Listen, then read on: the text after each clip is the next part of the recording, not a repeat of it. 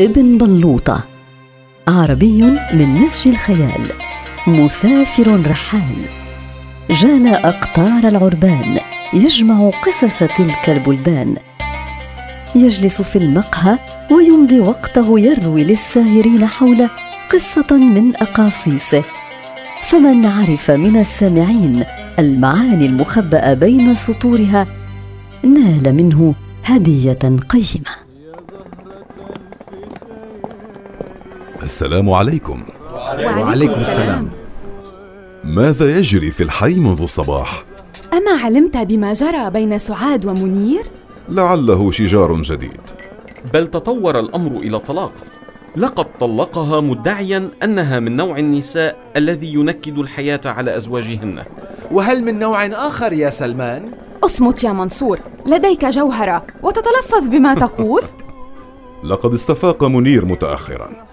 هي فعلا من النوع الذي لا يطاق. أو يطلق امرأته الآن والأولاد يا ابن بلوطة.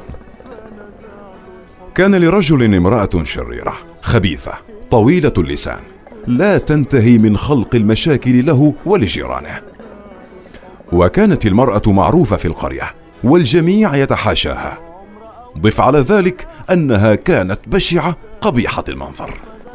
دب شجار وتعاظم يوما بينها وبين زوجها فقرر أن يطلقها. فذهبت إلى شيخ القرية تبكي وتطلب منه المساعدة لردع زوجها عن القرار. دخلت إليه وهو في داره وقد غفى على طاولته حيث كان يقرأ كتابا. وبدأت تبكي وتشتم وتكيل السباب لزوجها ولجيرانها وللأقارب. وفي الوقت عينه تدعي أنها مظلومة مقهورة وأن زوجها قد جار عليها وهو يريد أن يطلقها.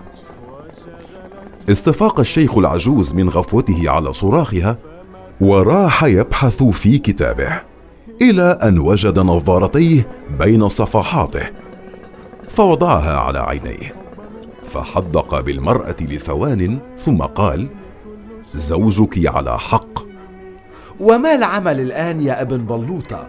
منير لا يريد التراجع عن قراره والمرأة خارج البيت والأطفال يبكون وينوحون. سوف أعالج الأمر بنفسي. منير صديقي ولكل إنسان مفتاح.